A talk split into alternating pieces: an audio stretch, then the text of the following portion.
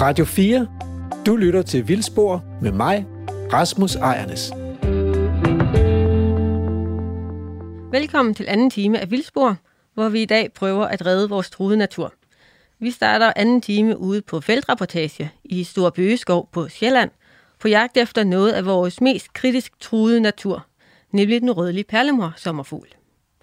Det er sammen med Emil Bjergård, som er ekspert i dagsommerfugle. Efter reportagen vil vi ringe rundt til forskere og beslutningstagere og spørge, om de vil være med til at redde vores natur. Det er mig, der er Emil Skovgaard Brandtoft, og lige nu er du på rapportage med mig og Lærke Sofie Kleop. Mens vi venter på, at øh, solen forhåbentlig dukker op igen, så Emil, du har jo allerede, selvom du er stadigvæk studerende, lavet et kæmpe videnskabeligt arbejde med at holde øje med sommerfugle rundt omkring på Sjælland. Hvad, hvordan... Det er også gakket. jeg ved ikke, det er gakket. Det synes det er mega sejt. Men øh, hvad, hvad har der egentlig fået dig til at starte med, med at kigge på sommerfugle i sin tid? Øhm, altså, ja, hvad skal jeg sige? Øhm, altså, min far øh, og min storebror, de er interesseret meget for fugle. Øh, min storebror, han kigger faktisk rigtig meget på fugle. Øhm, har også været observatør på træksteder og sådan. Og så har de jo slæbt mig ud på fugleture, ikke? Og, og kigget også en del på fugle, men ja, så spændende var det heller ikke at kigge på flyvende dinosaurer.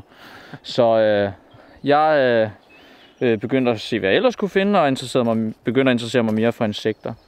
Øhm, så det er jo bare en stigende interesse, øh, at øh, man starter selvfølgelig stille og roligt ud, og vil gerne hele tiden opleve noget nyt og mere og mere og mere. Øh, som lepidoptolog, så har vi jo tit det der med, at øh, den kommende sæson skal blive den bedste nogensinde.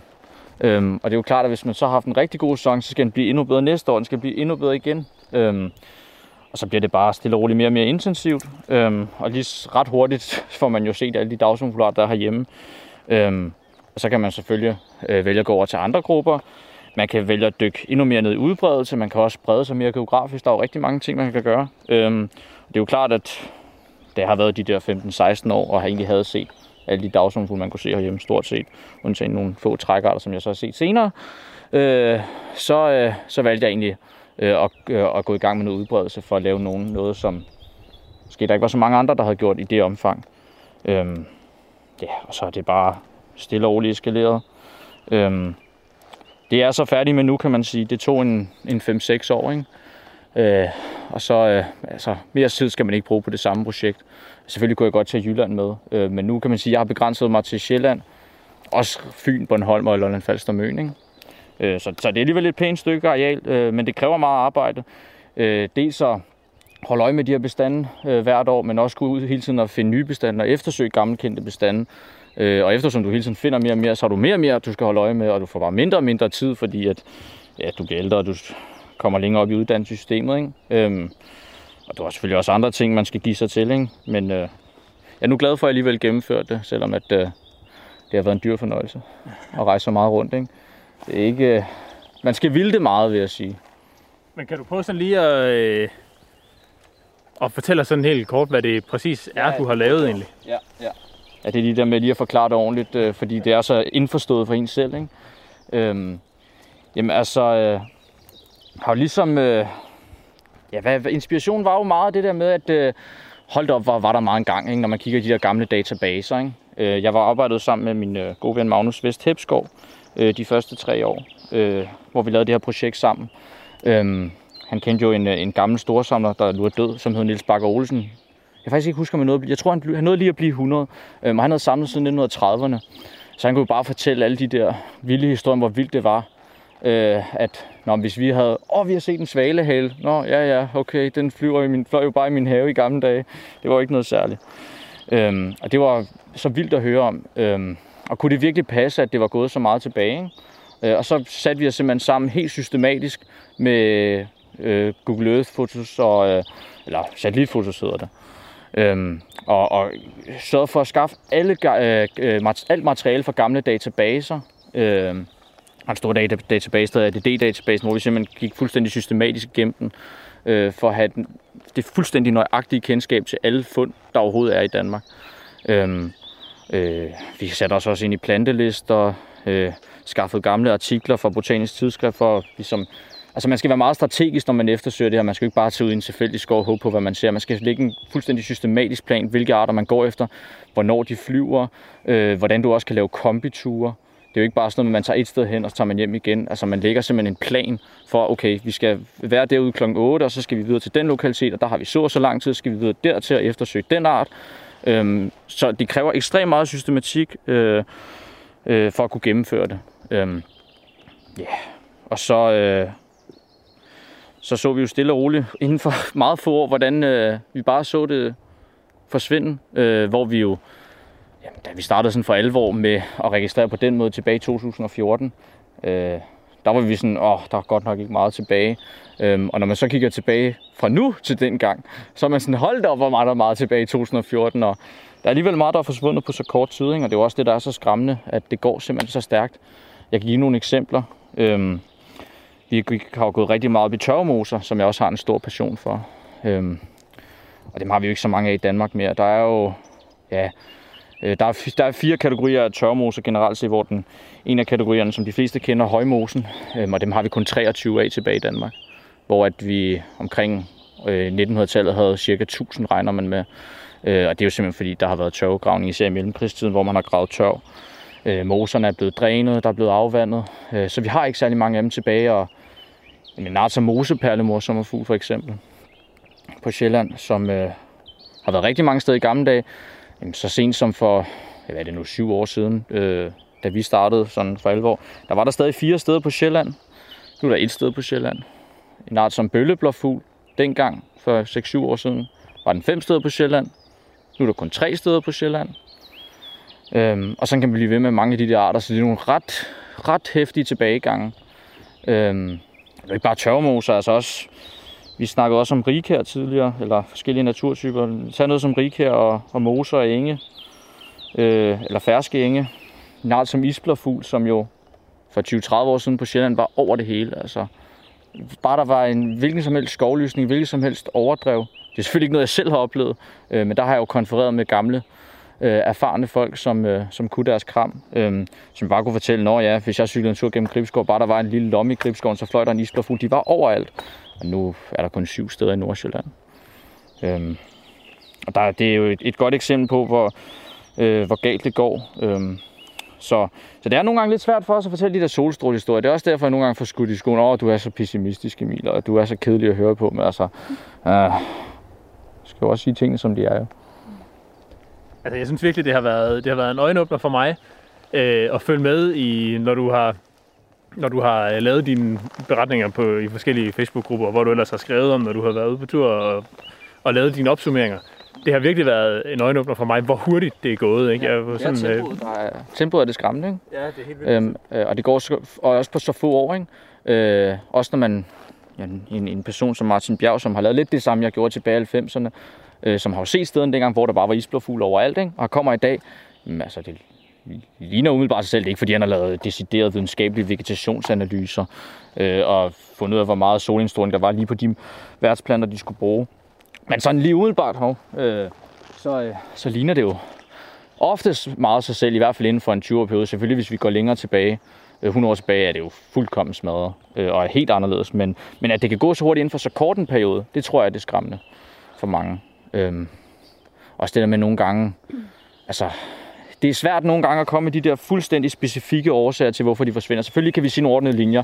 Øh, altså, Danmark er jo et landbrugsland, ikke? og 62 procent af Danmark er opdyrket. Vi har alt det skovbrug, vi har. Øh, øh, men alligevel, at de så også forsvinder fra nogle af de egne levesteder. Det er lidt svært nogle gange at komme med de, den fuldstændig procentvise fordeling mellem de her årsager. Hvor meget betyder tilgroning og ja, andre årsager? Det er jo noget, man hele tiden diskuterer. Hvad er egentlig det, er det plads? Øh, er det kvælstof? Hvad, hvad er egentlig årsagen til tilbagegangen?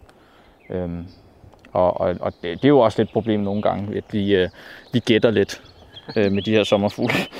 øh, altså hvorfor, hvorfor forsvinder, hvis den rødlige perlemor sommerfugl forsvinder herfra, og, med, øh, og når vi kommer om 10 år, og det egentlig bare ligner sig selv, ikke? Øh, hvorfor er den så forsvundet herfra? Ikke? Som vi snakker om tidligere, at noget jeg i hvert fald også tror meget på, øh, som, øh, som også er beskrevet i rigtig mange videnskabelige artikler, blandt andet fra Finland, at øh, man skal ikke undervurdere øh, betydningen af de her metapopulationsdynamikker. Øh, hvor meget det betyder. Øh, det er de blandt andet lavet på okkergul pletving op. Øh, og til dem, der ikke ved, hvad det her med metapopulationer er, så er det simpelthen et netværk af populationer. Øh, og det, de fandt ud af i Finland med okkergul pletving, bare et eksempel, en stor sommerfuglforsker, der hedder Hanski, øh, jamen det var, at nå, så forsvandt, øh, var der lige en lille delpopulation af gul klætving, der forsvandt et sted fra, men det var lige meget, for den havde allerede spredt sig til tre nye steder.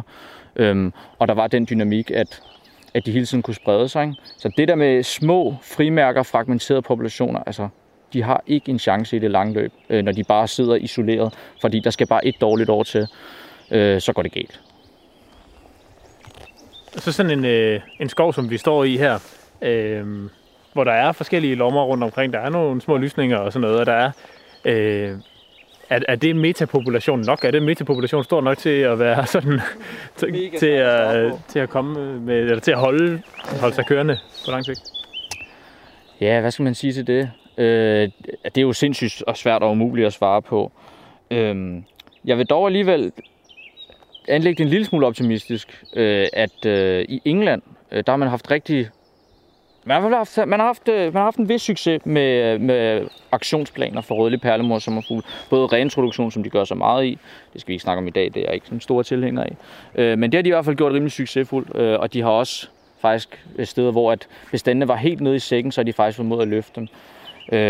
dels ved netop at tænke i metapopulation, og også ved at tænke især i skovgræsning. det er Jeremy Thomas og Simcox, nogle af de førende for, sommerfuglforskere i England, og ja, dermed også i hele Europa. Øhm, og der har de faktisk lavet nogle rigtig gode projekter og har vendt skuden for lige den art. Så altså, helt umuligt er det jo nok ikke. Øh, men altså, det kræver, at man, øh, at man så også gør det. Øh, og man altså, virkelig sørger for at få lysåbnet den her skov først. Virkelig få tyndet ud. Øh, sørge for, at der er, er solindstråling til værtsplanterne. Skovgræsning har været en af nøglerne i England, øh, kan jeg læse mig til. Øh, forhåbentlig skal jeg faktisk snart mødes med dem i forhold til vores projekt nede i Søholt øh, og så diskutere erfaringer, fordi de er altså længere frem på området i England.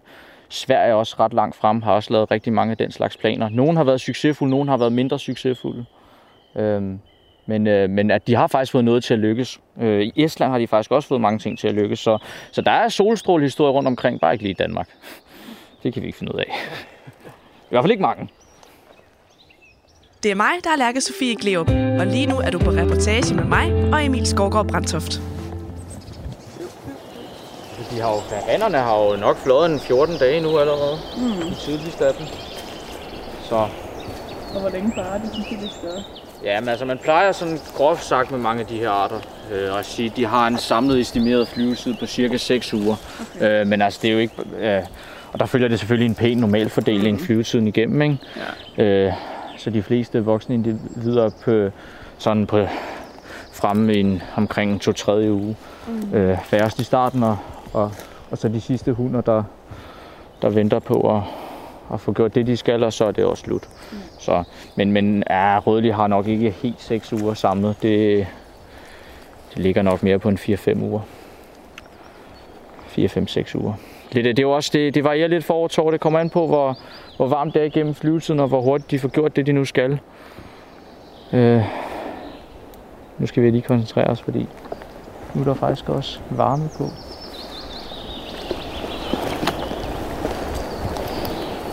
Der er den.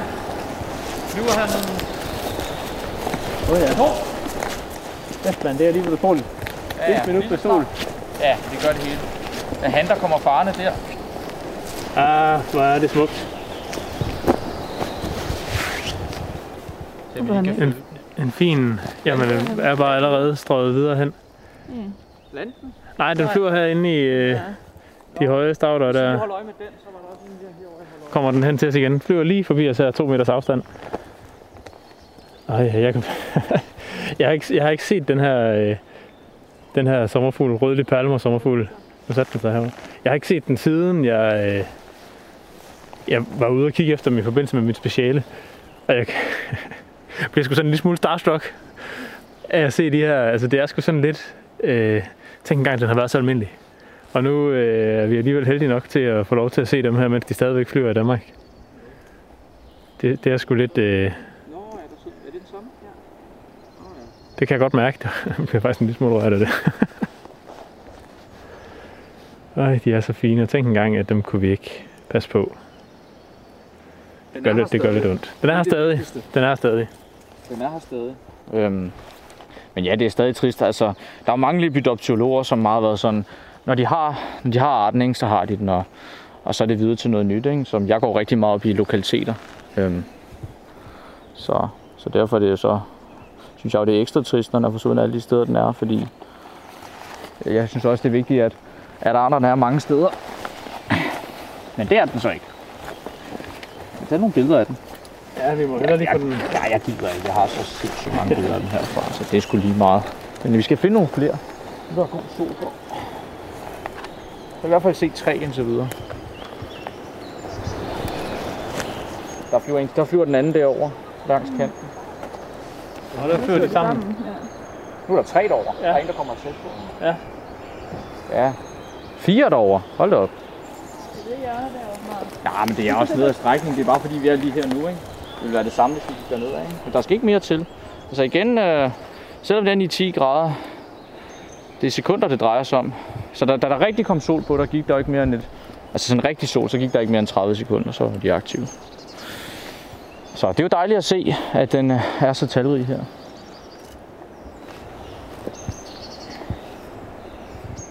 Faktisk meget fedt. Det har jo været tidligere været... Øh, lige det yngleområde her var faktisk var virkelig ved at lukke til her for et par år siden, men nu har de godt nok fået åbnet op. Øh, det var måske halvt så bredt. Øh, jeg tror ikke, at de vidste, at den var lige her, så det er ret tilfældigt, at de har fået, øh, at de lige har fået åbnet op her, og få gjort det endnu mere lysåbent, det var i forvejen. Men øh, det er jo så rimelig heldigt, kan man sige, for rødlig perlemor som er fugl. Øh, og det vil jo bare blive endnu bedre. Nu kigger vi ind over igen det skyggede her. Altså, så stort er det heller ikke, så det skal bare lysåbnes. Så vil det blive endnu bedre end det, end det er nu. Hov, der kommer også en her. Flyver den lige rundt om dig.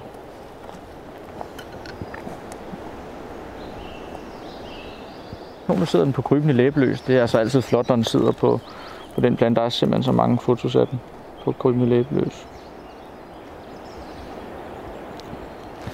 Øh, men altså, hvis vi det tager lidt om den tilbagegang. Altså lige nu er der jo fem lokaliteter i Danmark. Der er en, en super god bestand øh, her i, øh, i Stor Bøgeskov, som er, som er stedet. Så er der tre bestande på Falster ved Korselitse Hovedskov, Mellemskoven og øh, Korselitse Østerskov. Det er tre små bestande. Det er ikke så mange år siden, den var meget talrig en af skovene, hvor jeg tilbage i 2014 med min marker noterede 85 individer på en, øh, på en god dag den 17. maj. Øh, men, øh, men den er virkelig tæt på at forsvinde der. De der tre bestande de er meget små, og så er den også nede ved Søhold, hvor der er en lille bestand. Og der fløj den i hundredvis for 10 år siden, det gør den altså ikke mere. Øh, og så har den været, var der et rigtig godt område i, i skovene syd for Køge. Der er et skovkompleks dernede, af, der består af Lilling, Frihed, Gunnup Kohave syd for, og og nogle mindre skove, som Ganneskov og Tokkeskov. Og der, der var den i flere af de skove for, ja, faktisk for mindre end 10 år siden. Øh, jeg har ikke set dernede i 6 år, den, den er nok ikke der mere. Så var der også en, øh, en lille bestand nede ved Sorø, i en skov, der hedder Lorup Skov. Der er den heller ikke mere.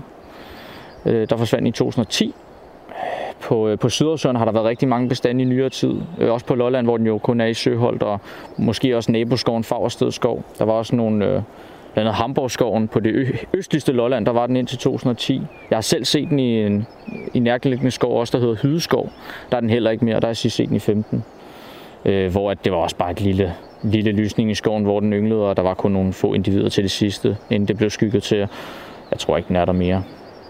Øh, så altså, hvis vi bare går tilbage til omkring år 2000, altså 20 år siden, jamen så har der været nogle enkelte bestande i Jylland, et par bestande på Fyn, rimelig mange bestande rundt omkring i de her skove på Midt- og Sydsjælland og Sydårsøerne, så der har nok været en, i hvert fald 25-30 lokaliteter for 20 år siden, ikke? og nu er der så fem. Ikke? Så, øh, så det er jo en femtedel eller mindre, der er tilbage bare for den gang. Ikke? Så længe siden er det jo heller ikke. Det er, det er min levetid, og jeg er jo ikke særlig gammel. så det siger alligevel noget. Øhm, men det er meget positivt, den stadig er her øh, ved Store Bøgeskov. Den er jo ret... Øh, det er jo sådan lidt nyt, at den er her.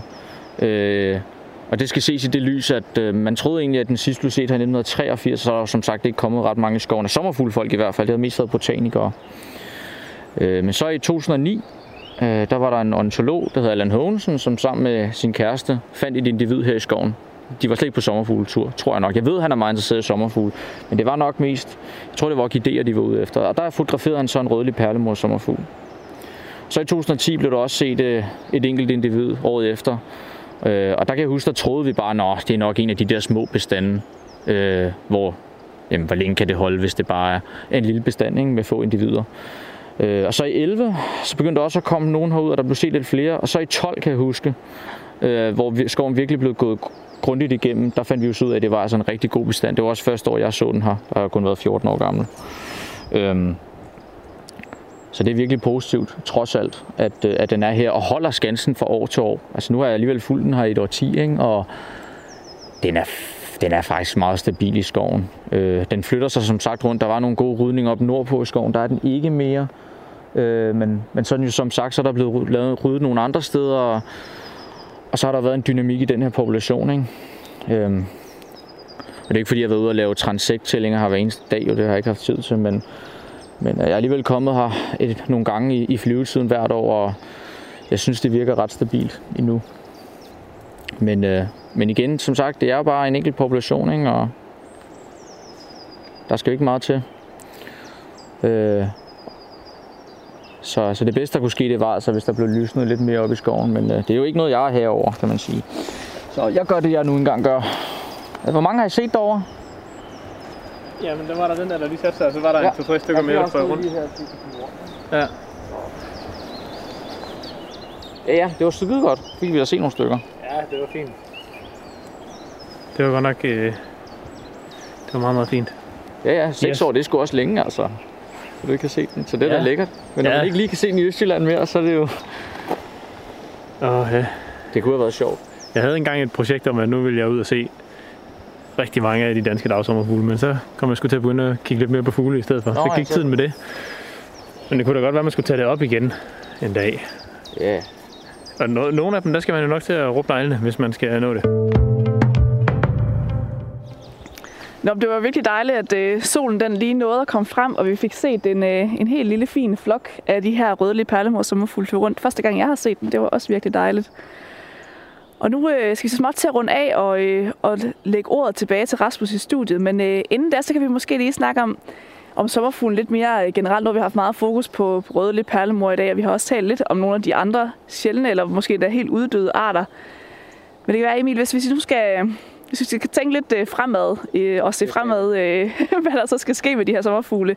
Hvad kan vi gøre? Hvad, hvordan får vi reddet de her sidste rester af de øh, små fragmenterede bestande, der er nogle af de her meget sjældne arter? Jamen altså, øh, man kunne starte med at kigge på, hvad er de mest troede arter, vi har herhjemme. Øhm, og der har vi jo selvfølgelig, nu vi snakket om rødlig perlemor sommerfugl, så den behøver jeg ikke gå så meget mere dybt med.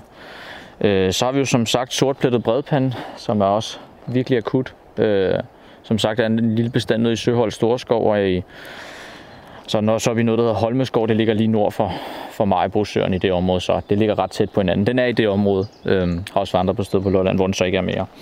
Øhm, og der er vi jo så heldige, at det er blevet opkøbt af O.V. Jensen, og, øh, og det er meget vigtigt at forstå med de her sommerfugle, at det er altså ude på deres lokaliteter, at, øh, at det skal ske. Øh, det er ude, hvor at de her sjældne dagsommerfugle lever. Øh, og, øh, og at man forvalter naturen på, på naturens præmisser, øh, som vi også snakker om før med at, at holde skovene lysåbne. Derudover så har vi jo også sortbrun blåfugl op i øh, Nordjylland, øh, som også kun har nogle få bestande tilbage der. Den er også virkelig troet.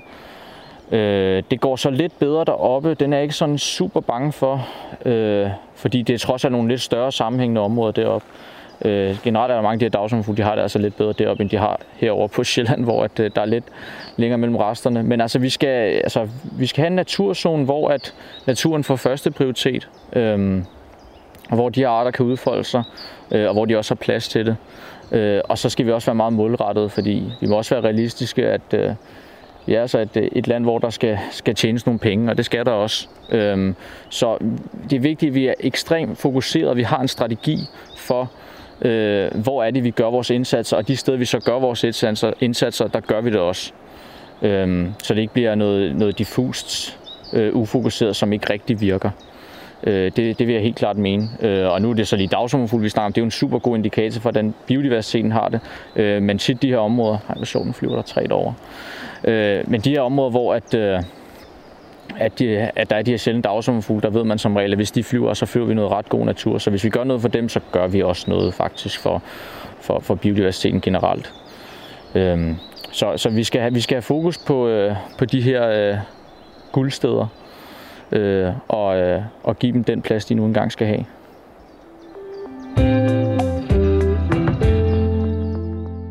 Ja, det var så anden del af reportagen fra Store Bøgeskov med øh, Emil og Emil og Lærke. Og det er jo til at blive helt trist af, altså de her der sommerfugle, der bare forsvinder mellem fingrene, fingrene på os. Hvad tænker du, Stine? Jamen, jeg er rystet over, at det går så stærkt med tilbagegangen. Vi skal have fundet noget plads til dem, og det skal være nu. Hvor, hvor i Danmark kan vi finde den plads? Det er lige det. Øh, og, og uanset hvem man spørger, så peger pilen jo på, at der mangler plads. Der mangler så noget, noget helhjertet, reserveret plads til, øh, til den vilde natur i det her land, øh, Danmark. Og, øh, og det tænker jeg, at vi skal bruge den sidste del af Vildsborg i dag på at finde ud af, hvad er det for noget med det der plads? Hvorfor er det svært, så svært for os mennesker at give pladsen? Og kunne vi ikke blive bare en lille smule bedre til at give plads? Og hvis vi vil det, øh, øh, hvem skal så afgive noget plads? Og, og hvordan kan det komme til at ske? Og giver det mening for os? Så, så nu tænker jeg, at vi lad os prøve at starte med at kigge ud i den store verden. Øh, og jeg har en kollega, Jonas Geltmann, øh, som er forsker og postdoc, og som, øh, som har arbejdet med international naturbeskyttelse som en del af sin forskning. Og jeg tænker, at jeg ringer til ham for at spørge, hvordan går det egentlig med at finde plads sådan ude i verden til den vilde natur? Så har jeg Jonas Geltmann igennem, og Jonas er forsker og postdoc ved Københavns Universitet og har blandt andet arbejdet med øh, international naturbeskyttelse. Og øh, det er derfor, jeg vil gerne spørge dig, Jonas. Altså, der er jo sådan, nogle, øh, sådan et internationalt FN-mål om at beskytte 17 procent af landarealet og reservere det til naturen. Men, men hvordan går det egentlig ude i verden? Jamen, hvis vi kigger på øh, konventionen og hvordan den ser på det, så går det faktisk ganske udmærket. Vi, øh, det, de mål afsluttes i, i år, og vi er faktisk ret tæt på at nå de 17 procent for landjorden, og faktisk også ret tæt på at nå de 10 procent, som øh, er målet for vores have. Øhm, og det er sådan set for landjordens vedkommende et areal svarende til øh, Sydamerika og Australien til sammen. Så det er jo et ganske imponerende øh, arbejde, som verdens lande har opnået der. Det lyder jo helt fantastisk altså. Øh, er biodiversitetskrisen så afværget? Det er den desværre ikke. Øh, når vi kigger på det internationalt, er det ikke meget forskelligt fra Danmark. Vi, har stadig, vi står stadig midt i en, en stor krise, og biodiversiteten går voldsomt tilbage. Og det hænger selvfølgelig sammen med, at det ikke bare handler om, hvor meget man beskytter, men det handler om, at man beskytter de rigtige områder, og det handler i særdeleshed om, hvad man gør, når man har beskyttet. Hvad er det for en forvaltning, der er af de beskyttede områder, og hvordan kan den hjælpe med at stoppe tabet af biodiversitet? Og her har det haltet væsentligt mere. Men så hvis vi starter med, øh, har man beskyttet de forkerte områder, hvad vil det sige? Der har været en tendens til, at når målene øh, er blevet sat for at beskytte natur, så øh, er de faktisk blevet udvidet. Så i starten så skulle vi beskytte 10 procent inden øh, 2010. Det nåede vi ikke. Så blev målene sat op til 17 procent i 2000 til mod 2020. Og det betyder, at rigtig mange lande har fokuseret enormt meget på at øh, og, og bare beskytte mere for at leve op til de mål. Og det har ofte været de områder, som generelt har haft en lav værdi både for mennesker, men også for naturen, og som har ligget i langt væk fra, hvor der er nogle trusler, som ligesom er beskyttede områder kunne gøre noget ved. Og på den måde har der ligesom været et ræs mod at øge arealet, uden at fokusere på, at, at områderne nødvendigvis skulle ligge de, de steder, der havde størst værdi for biodiversiteten. Så vi beskytter Grønland, fordi der bor alligevel ikke nogen deroppe i Nordøstgrønland og så videre. Ja, Men... ja, det er et godt eksempel. Verdens største beskyttede område er jo sådan set tæt på at være halvdelen af Grønland. Ja. Øh, og det er selvfølgelig et ekstremt værdifuldt øh, område for naturen, men det er også et, et område, der de facto nærmest var beskyttet, om, om man lagde beskyttet område eller ej øh, men, deroppe. Men en del af de områder, vi beskytter, dem beskytter vi så heller ikke godt nok. Er det den anden pointe? Det må man sige. Øhm, altså, vi, vi ved, at, at uh, rigtig, i rigtig mange af de beskyttede områder, der findes, der, der går det voldsomt tilbage. Uh, det er særligt studier, der bruger uh, hvad kan man sige, satellitdata for skovfældning, som kan vise, mm. at selvom skovfældningen er en lille smule langsommere i beskyttede områder, så tabes der stadig meget, meget store arealer af skov i, i, i de tropiske beskyttede områder. Og selvom at det går lidt langsommere tilbage for mange dyrearter i de beskyttede områder, så går det tilbage for, for stort set alle de uh, populationer, som bliver målt inden for beskyttede områder. Mm. Og det er, er, kan, kan for eksempel være jagt og krybskytteri for, for pattedyrene, men det kan også være tab af levesteder for, for mange arterne. Lige præcis. De, man kan sige, de, de, de, de tre største trusler, som, som, øh, som vi ser lige nu i de beskyttede områder, som beskyttede områder eventuelt godt kunne gøre noget ved, det, det, er, det er jagt øh, og indsamling af planter, når det kommer til, til den side af, af hvad kan man sige, botanik, af, af, af ja, floraen. Mm. Og så er det øh, tab af, af arealer eller ødelæggelse af arealer, altså invasive arter. Mm. Øhm, så det, det er i høj grad de hvad kan man sige, tre ting, der, der, der virkelig rammer de beskyttede områder. Tusind tak skal du have, Jonas, for at gøre så kloge. Og nu går vi videre i jagten på at finde noget plads til naturen hjemme i Danmark. Tak. Så vil jeg ringe til øh, Lasse Båner, som er lektor og jurist med speciale i miljøret og naturbeskyttelse på Københavns Universitet. Og, og jeg havde tænkt mig at spørge Lasse om, prøv at finde ud af det der med, hvad med loven? Altså, hvis, hvis vi skal have noget plads til naturen, så er der behov for en lov, som effektivt beskytter naturen der, hvor vi har besluttet os for det. Øh, så lad os høre en gang. Øh, Lasse? Hallo? Ja, goddag. Goddag. Hallo. Øhm, du, øh, du øh, repræsenterer et helt andet fagområde end mig. Du er jurist, og du har forstand på sådan noget øh, lovstof og, og retlig regulering og sådan noget. Så jeg tænker, det er dig, jeg skal spørge. Jeg skal stille det her spørgsmål. Er der egentlig nogle steder i Danmark, hvor naturen den sådan er effektivt og varigt beskyttet af loven? Det er svært at svare på. Altså, øhm, den danske lovgivning, eller naturbeskyttelseslovgivning, det er jo sådan nogle, sådan nogle lag på lag øh, regler. Øh, så hver lov har ligesom sit eget, øh, sit eget område, som det dækker. Og så kan man jo være heldig, at, at øh, de forskellige love, der nu tager sig af naturbeskyttelse, at de så lige præcis rammer sammen på et bestemt areal og forbyder alt. Ja. Varigt og effektivt. Men, men, men, men øh, det er jo svært at forestille sig, at det sådan findes i større omfang.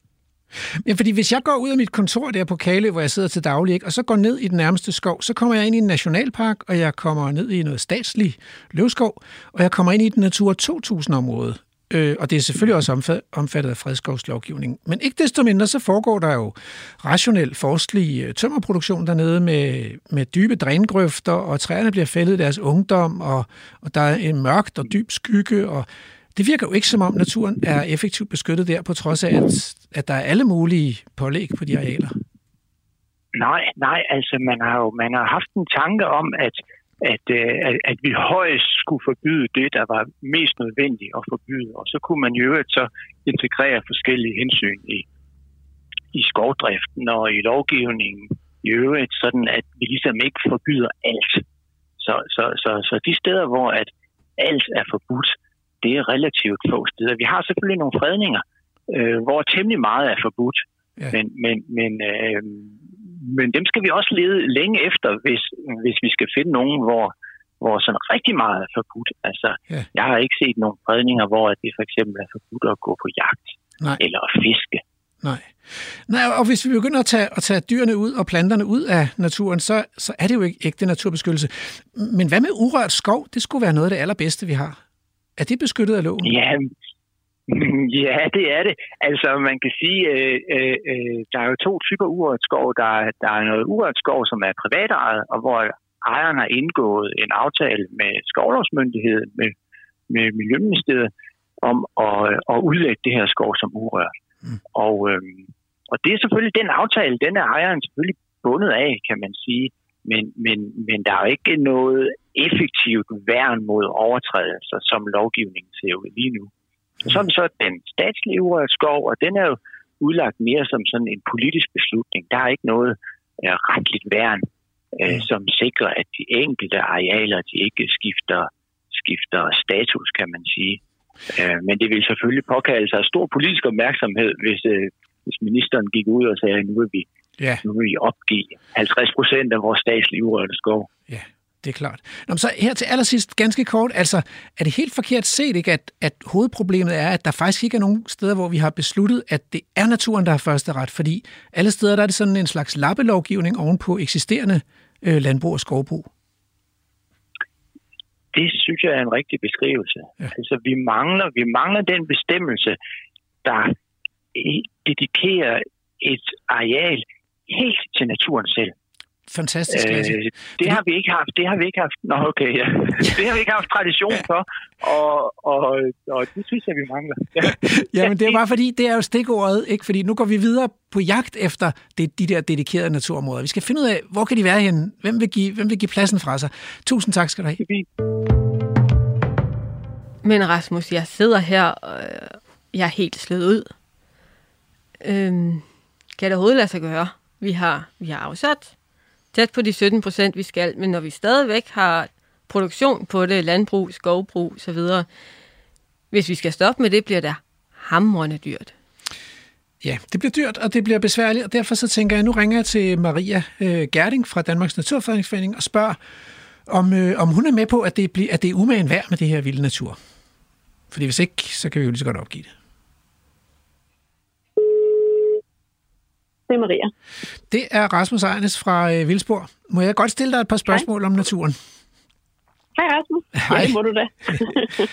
altså, vi, vi, er, vi er gået ind i sådan en, øh, en intensiv seance her i anledning af Naturmødet, hvor vi prøver at se, om vi kan finde noget plads til naturen. Og det vi har fundet ud af øh, endnu, det er, at det, det bliver dyrt, og det bliver besværligt, fordi vi ikke har været så gode til det hidtil.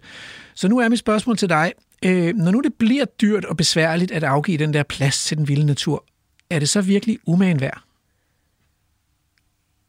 Ja, det mener jeg faktisk, det er. Og det mener jeg, der er tre grunde til. For det første, fordi jeg grundlæggende mener, at andre øh, levende skabninger i den her verden har lige så meget ret til at være her, som vi har. Det vil sige, at vi har også en pligt til at sikre, at alt det liv, der findes på den her klode, og som bor i vores land, at det også får levesteder. Vi har dybest set ingen ret til at udrydde det. Så det er ligesom en, en etisk grund til, at vi bør øh, tage det her arbejde meget alvorligt. Mm. Så er der også en anden grund, og den handler faktisk lidt om, om klimaet. Det er jo en hemmelighed, at klimaet ligger også meget, meget på finde. Og jeg tror, at hvis vi skal lykkes med at bremse klimaforandringerne, så skal vi arbejde med nogle af de helt grundlæggende værdier, vi har i vores samfund. Vi skal væk fra vækst og forbrug og effektivitet, og vi skal over i noget andet. Vi skal mm. over i noget, der handler om sanselighed, om tid, om nærvær, om fordybelse. Og her tror jeg, at naturen, vejen til det, går gennem at genfinde en forbundenhed til naturen og genfinde vores naturkærlighed. Og den tror jeg, vi finder i en rig og mangfoldig natur, hvor vi kan genopdage, hvor fantastisk den er, fascineres af denne her rigdom af arter. Jeg tror ikke, vi finder den i en grænplantage. Mm. Jeg tror, vi finder den ved at genskabe det vilde, det selvforvaltende, det rige, det der har en wow-effekt på os. Jeg tror, det er derude, vi genfinder en, en men også en ydmyghed over for det fantastiske skaberværk, kalder jeg det, og det er ikke, fordi jeg er religiøs, men den fascination, der skal gøre, at vi mærker inde i os selv, at vi kan ændre vores værdigrundlag. Og så den tredje ting er, at hvis vi ødelægger jordens økosystemer, så mener jeg grundlæggende også, at vi ødelægger det livet for os selv. Men men det lyder jo godt, det her. Men prøv at høre. De jyske ulve der, de skaber jo også en masse ballade, ikke? Og de æder forne, og havet og vindens vilde processer generer sommerhusejerne, og de gamle træer er farlige, når de vælter ned over cyklister, og, sådan, og de store planteæder, de gør naturgæsterne utrygge, når de lufter deres hunde og sådan noget. Så er, er vi ikke noget af det til, hvor vi simpelthen har, vi har mistet evnen til at være sammen med rigtig vild natur, og er Danmark ikke bare for lille? Jo, naturen er meget besværlig, og jeg tror, vi, vi er enormt fremmedgjorte over for naturen. Og jeg tror, det er kernen i de problemer, vi står med lige nu, hvor vi står med kolossale økosystem, et kollaps. Vi står med et, et klima, der virkelig eskalerer ud af kontrol, og hvor vi dybest set ødelægger livsgrundlaget for os selv. Det bunder i den fremmedgjorthed. Derfor skal vi ud og genskabe forbindelsen, menneskets forbindelse til naturen. Det er det, der er vores allesammens opgave. Det er din opgave, det er min opgave, det er miljøministerens opgave, det er vores allesammens opgave, at vi kommer ud og genfinder forbundetheden. Genfinder respekten, genfinder anerkendelsen af, at der skal være plads til det vilde også. Vi Okay. skal væk fra den meget nytteorienterede og meget dominerende tilgang, vi har haft til naturen, som jo dybest set er ved at udrydde os selv. Men altså, måske er vi nemmere at overbevise her på Vildsborg, fordi det, det lyder godt. Du har overbevist mig, men, men hvem, skal, hvem skal give den der plads? Fordi al plads i Danmark er jo ligesom ejet af nogen. Ja, det er rigtigt. Og øh, nogen skal jo give den, og det kommer vi ikke udenom. Og hvis man ligesom skal lave sådan en, en handlingsplan, altså hvor starter vi? For det tror jeg også er, meget vigtigt. Det kan virke utrolig uoverskueligt, det her. Vi har stort set intet øh, vild og rig natur i Danmark. Så, så hvor går vi i gang? Der går vi selvfølgelig i gang på de arealer, de naturarealer, vi alle sammen ejer mm. i fællesskab og siger, her skal der være vild natur, her skal der ikke være produktion. Mm. Næste skridt er at kigge på de landbrugsarealer, som det giver mening at dyrke dem skal vi have fri, dem skal vi have ud af landbrugsproduktion, dem skal vi give tilbage til naturen. Så skal vi kigge ind i de private skove, hvor der er naturperler, hvor der også er skovejere, der faktisk gerne vil være med til denne her dagsorden. Vi bliver nødt til at række hånden ud alle steder i samfundet og sige, hvor er det, I vil være med. Så skal vi begynde at lægge urørt skov der, så vi får de store sammenhængende naturområder. Men så skal man også som regering turde sætte sig nogle mål. Så at sige, hvor meget vild natur skal vi have i Danmark? Hvor meget areal vil vi som mennesker, vil vi som samfund give tilbage til den natur, der er fortrængt, fordi den ikke har lov at være nogen steder. Der mener jeg, at et helt utroligt bud, som vi er kommet med, det er 20 procent øh, vild natur. Lad os så komme i gang. Lad os sige, hvornår skal vi nå det mål? Lad os lægge planen. Lad os nedsætte et biodiversitetsråd, som kan rådgive regeringen i vejen derhen. Der er en perfekt parallel til, sådan, som man håndterer klimakrisen lige nu. Vi har et 70 procent reduktionsmål i 2030, så har vi et klimaråd, der rådgiver regeringen. Ja. Fuldstændig det samme skal vi have på natur og biodiversitet.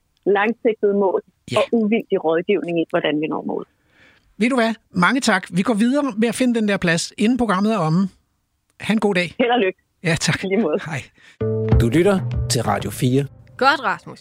Vi kan nå det endnu. Vi skal bruge noget jord. Vi skal bruge nogle dyr. Er det ikke nu, vi skal ringe til landbruget?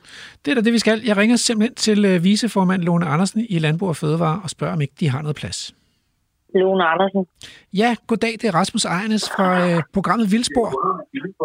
Hej Rasmus. Må jeg godt forstyrre dig nu? Det må du i hvert fald.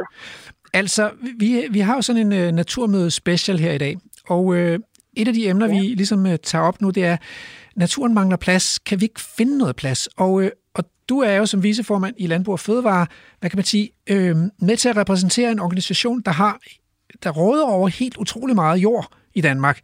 Og, øh, og så havde jeg tænker, øh, kunne, vi ikke, øh, kunne vi ikke finde noget jord? For eksempel den der paragraf 3-natur, øh, den der, de der enge og moser og overdrev og heder, som, som jo ligger ude på, også ude på landbrugsbedrifter i Danmark, men som jo ikke, hvor der ikke bliver dyrket intensivt landbrug. Kunne man ikke, kan man ikke reservere dem til natur? Hvad siger du til det? Jamen, øh, det er, nu- vil vi jo også gerne rigtig meget naturen i landbruget, og det er rigtigt, øh, det er rigtigt, vi har, vi har rigtig meget jord. Øh, men øh, paragraf 3-jorden, der bliver 90 procent af det, øh, det er jo i dag noget, der stadig kan dyrket landbrugsmæssigt. Der er jo 444.000 paragraf 3 hektar i Danmark. Ja. Og de 90 procent, de øh, er beskyttet for, øh, for landbrug. Det bliver ikke dyrket landbrug på dem. Men det er de 10 procent, der er tilbage. Cirka 45.000 hektar, som stadig må gødes, og, øh, må gødes på og bruges pesticider på. Øh, og som bruges aktivt landbrugsmæssigt.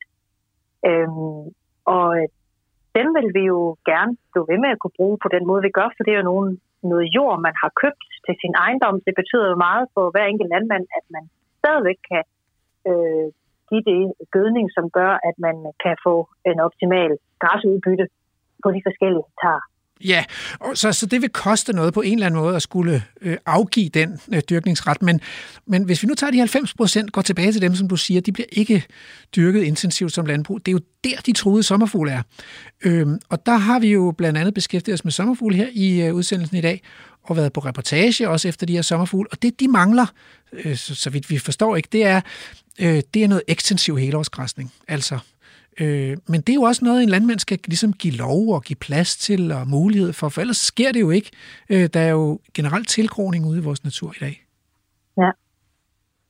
Jamen, øh, det er jo en meget spændende, et meget spændende emne, og jeg ved jo, at, øh, at der er blevet holdt mange kurser i, hvordan man bliver bedre til, øh, til naturplejen og med, med afgræsning, hvordan det bliver gjort bedst muligt, blandt andet øh, gennem tækken. Så altså, Øh, og der er jo nogen, der er begyndt på det her ting, men det kræver jo, at, der, at landmanden er blevet lært op i det, og at øh, der, står, der, der er en velvilje til det. Det er da helt sikkert. Det er jo noget med, at man skal vide, hvordan man skal gøre det, og det skal så også kunne øh, være rentabelt at gøre det. Men, men vi har også talt med en jurist i dag, og det som han siger, det er, at en af problemerne med dansk naturbeskyttelse er, at, at den, er ikke, den er ikke sikret i den danske lovgivning. Så hvis nu man, man lavede noget lovgivning, som sikrede naturen på de her paragraf 3-arealer, der ikke dyrkes intensivt, ville I så være med til, at man kunne lave sådan en natursikrende lovgivning, som i hvert fald, øh, i hvert fald sikrede, at man ikke at man ikke ødelagde naturen derude ved for hård græsning, eller for hård maskinel pleje, eller hvad, hvad, man nu, hvad man nu kunne forestille sig? Altså ved du hvad, vi vil jo rigtig meget alt dialog og øh, samtale og, og, og, altså nogle, at lave sådan nogle aftaler, øh, hvis det sker med frivillighed og med, med fuld erstatning på det, så er vi jo meget, meget øh, åbne åben for det.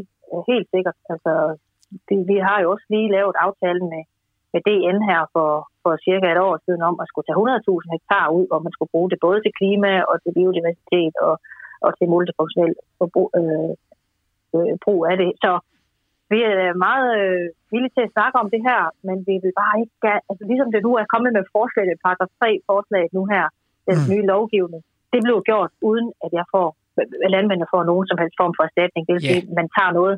Ikke også? Så, det, det, så det er, vi er positive, vil altid gerne øh, øh, snakke om, om de her ting, men det skal jo være mod, øh, det, landmændene skal kompenseres for det. Ja. Og den kompensation må blive mindre jo mindre landbrugsproduktion, der er på arealerne. Så de der 90 procent af paragraf 3 arealerne, som ikke dyrkes intensivt i dag, det må vel i virkeligheden, der må vi jo have en fælles interesse i, det der, vi starter, ikke? fordi det er der, der er den bedste natur. Det er der, det er vigtigst at ja. beskytte naturen, og det er der, ja. at der er mindst intensivt landbrug i dag. Ja. Så det burde være de nemmeste at tale om. Det gjorde det i hvert fald, ja.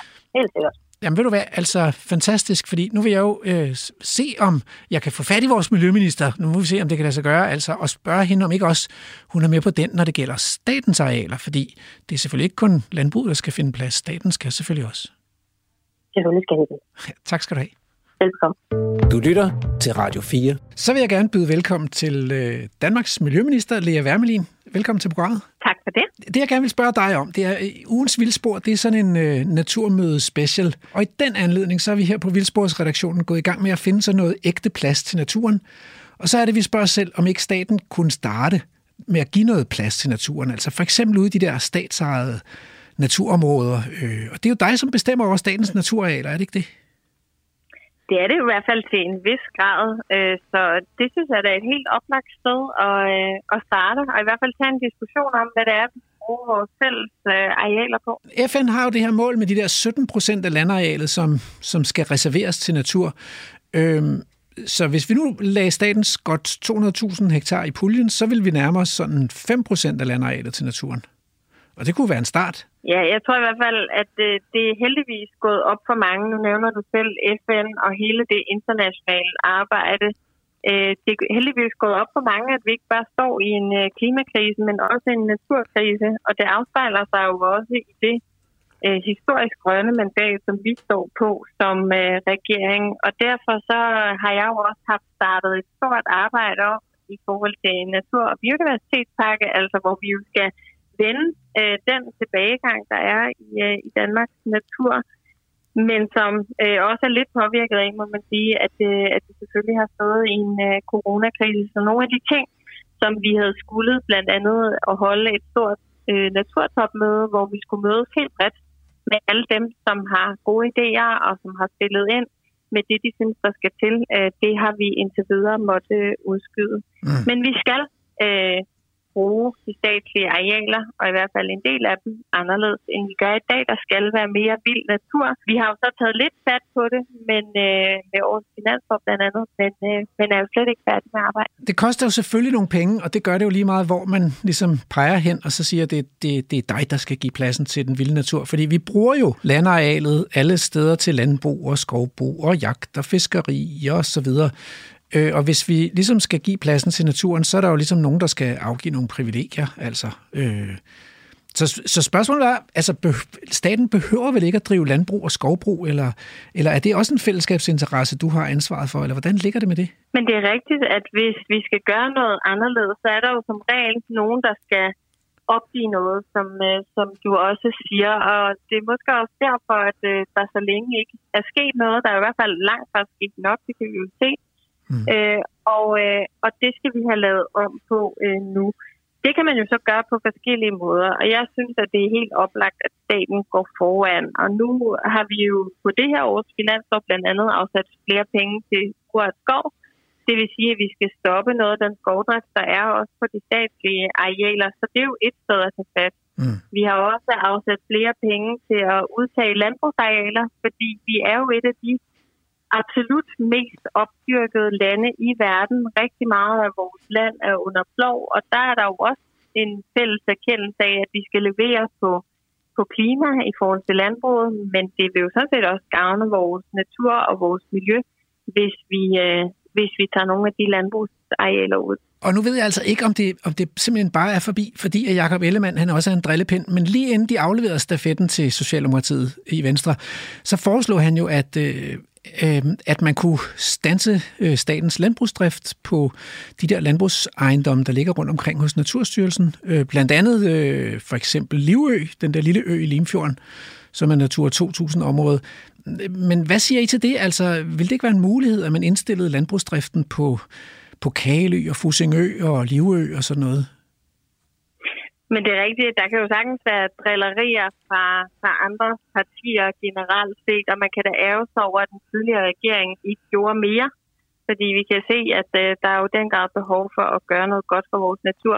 I forhold til de konkrete øh, ejendom, landbrugsejendom, der du, øh, du nævner, så er det jo en beslutning, der blev truffet af den tidligere øh, regering, og den har vi sådan set ikke pillet ved.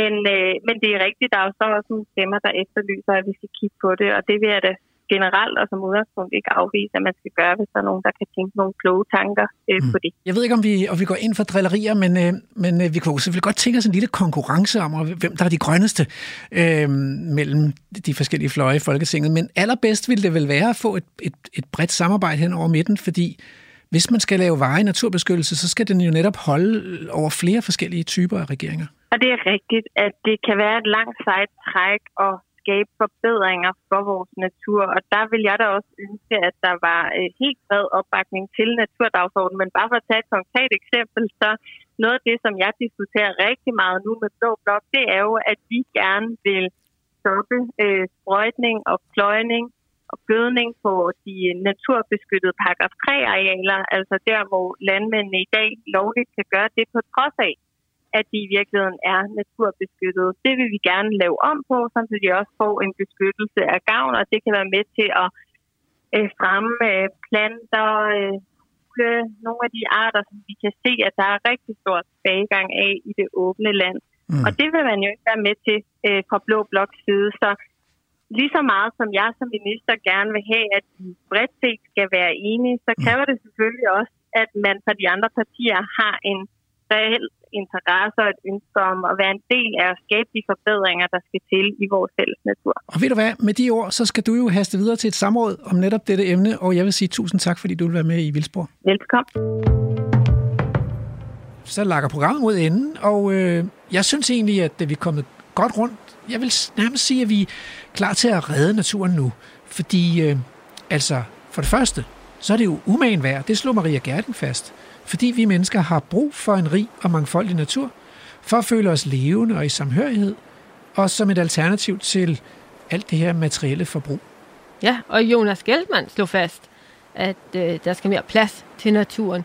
Men det er ikke bare et problem i Danmark, det er et problem globalt. Og Lasse Bunder hjalp os med at forklare det med lovgivningen. For hvis vi skal have plads til naturen i ægte forstand med naturens prioriteter først, så kræver det en ny planlægning og en ny lovgivning. Fordi vores nuværende lovgivning simpelthen ikke sikrer naturen, som det er i dag. Ja, og, og til sidst så fandt vi vel egentlig også ud af, hvor pladsen skal findes henne. Der er nogen, der skal tale med landmændene om at reservere de der udyrkede arealer helhjertet til naturen, og det er, det, det er den allerbilligste plads, man kan finde, fordi de jo ikke er dyrket intensivt som landbrug. Og øh, og staten skal naturligvis stoppe med at dyrke landbrug og skovbrug på vores fælles arealer. På den måde så vil vi kunne finde noget ægte natur til helhjertet arealreservation.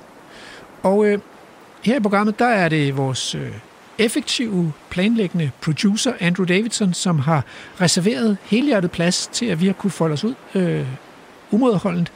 Og øh, inden vi slutter, så øh, er der lige plads til ugens haiku. Violerne smiler. Emilernes perlemor. Funklende kister. Programmet er produceret af Folkeuniversitetet og Aarhus Universitetsforlag for Radio 4.